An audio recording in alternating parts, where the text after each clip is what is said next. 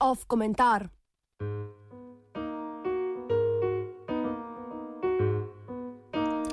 Ljudsko Twitter sodišče.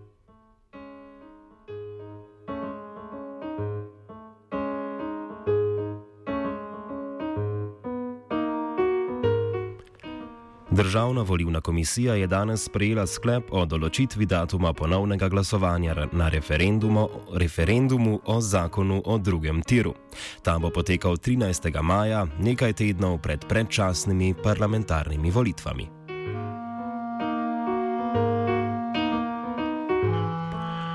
Desnica dvojnemu odhodu na volišča pričakovano nasprotuje. Z istočasnim glasovanjem si želi povišati udeležbo na referendumu in s tem možnost, da doseže kvorum ter more biti uspe zavrniti zakon.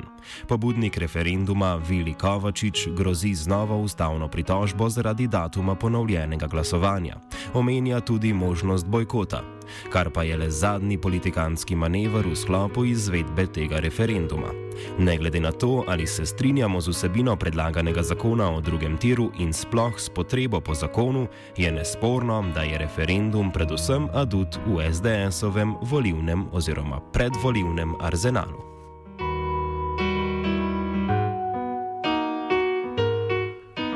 Nič manj politikansko pa se glede referenduma o drugem tiru ne obnaša levi del političnega spektra. Namesto da bi prepoznal, da je državljan K kljub svojim političnim zavezništvom uspel opozoriti na ustavno spornost referendumske zakonodaje, je levi komentarjat porinil glavo v pesek. Najlažje je bilo pač zlivati gnojnico po odločitvi vrhovnega sodišča, ki je odredilo ponovno glasovanje, ne da bi to odločitev kdo prebral in skušal razumeti. Vrhovno sodišče je pač odločalo na podlagi predhodne sodbe ustavnega sodišča. Glede na to, da je vlada res protiustavno financirala enostransko referendumsko kampanjo, bi vrhovno sodišče lahko rezultat ohranilo le v primeru, da je možnost, da bi bil izid glasovanja brez vladnega financiranja drugačen, citiramo, glede na vse okoliščine tako neznatna, da ni več razumno upoštevana. Da 100 tisoč evrov vloženih v kampanjo ni moglo razumno vplivati na izid, vrhunno, vrhovno sodišče pač ni moglo ugotoviti. Zato je sodba povsem pričakovana. Kljub temu je večji del levo-liberalne srednje tiho pritrdil Cerarjevim obtožbam o krivosodju in nepoštenosti postopka odločanja. Ne glede na to, da je premijer samo oklicani vrhunski pravni strokovnjak, je v tem trenutku predvsem politik in njegovi očitki o krivosodju, čeprav podani bolj sofisticirano, kvalitativno niso nič kaj drugačni od tistih, ki prihajajo iz vrst opozicije.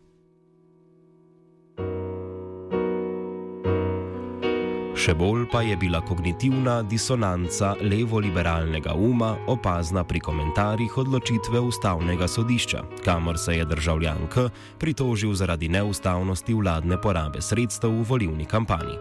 Ustavno sodišče je odločilo, da vlada ne more biti organizator referendumske kampanje na enak način, kot to velja za druge pravne osebe, in da mora tekom kampanje obveščati celovito in transparentno še vedno pa lahko izrazi tudi svoje stališče in še vedno lahko vladne stranke vodijo enostransko kampanjo, morajo pa zato nameniti lastna sredstva.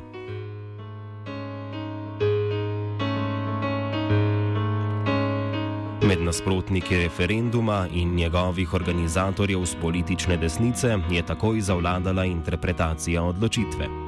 Odločitev ustavnega sodišča je škandalozna, saj vlado obvezuje, da zastopa argumente proti svojemu lastnemu zakonu.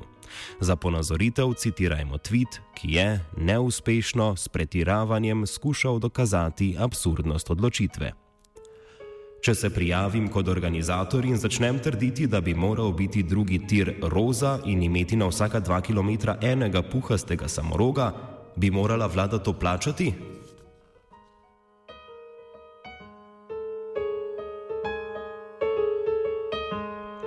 Odgovor je seveda ne.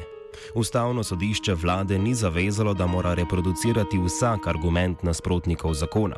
Odločilo je le, da si vlada ne sme nameniti proračunskih sredstev za vodenje enostranske referendumske kampanje. Podobno kot si vlada v volivni kampanji ne sme nakazati sredstev za pomoč kampanjam vladnih strank, in podobno kot je vlada v volivni kampanji formalno neopredeljena, pa to ne pomeni, da je dolžna reproducirati opozicijske očitke o udbomafijskih povezavah primerjava z volivno kampanjo je hvaležna.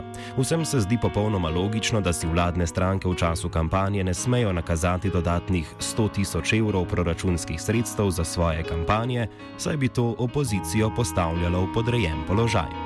Ni razloga, da enako ne bi veljalo za referendumsko kampanjo. Verjetno bi se to tudi levemu komentarjatu zdelo logično, če bi ustavno sodišče razsojalo v primeru referenduma o družinskem zakoniku in bi bila takrat na oblasti SDS.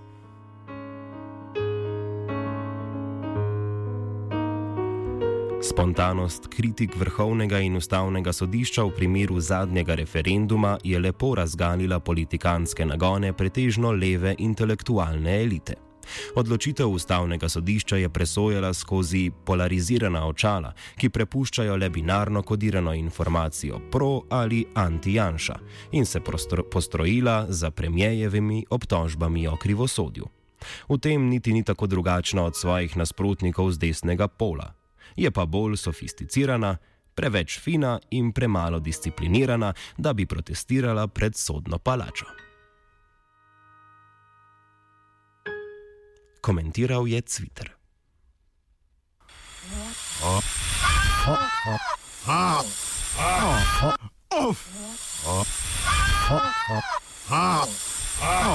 Off komentar.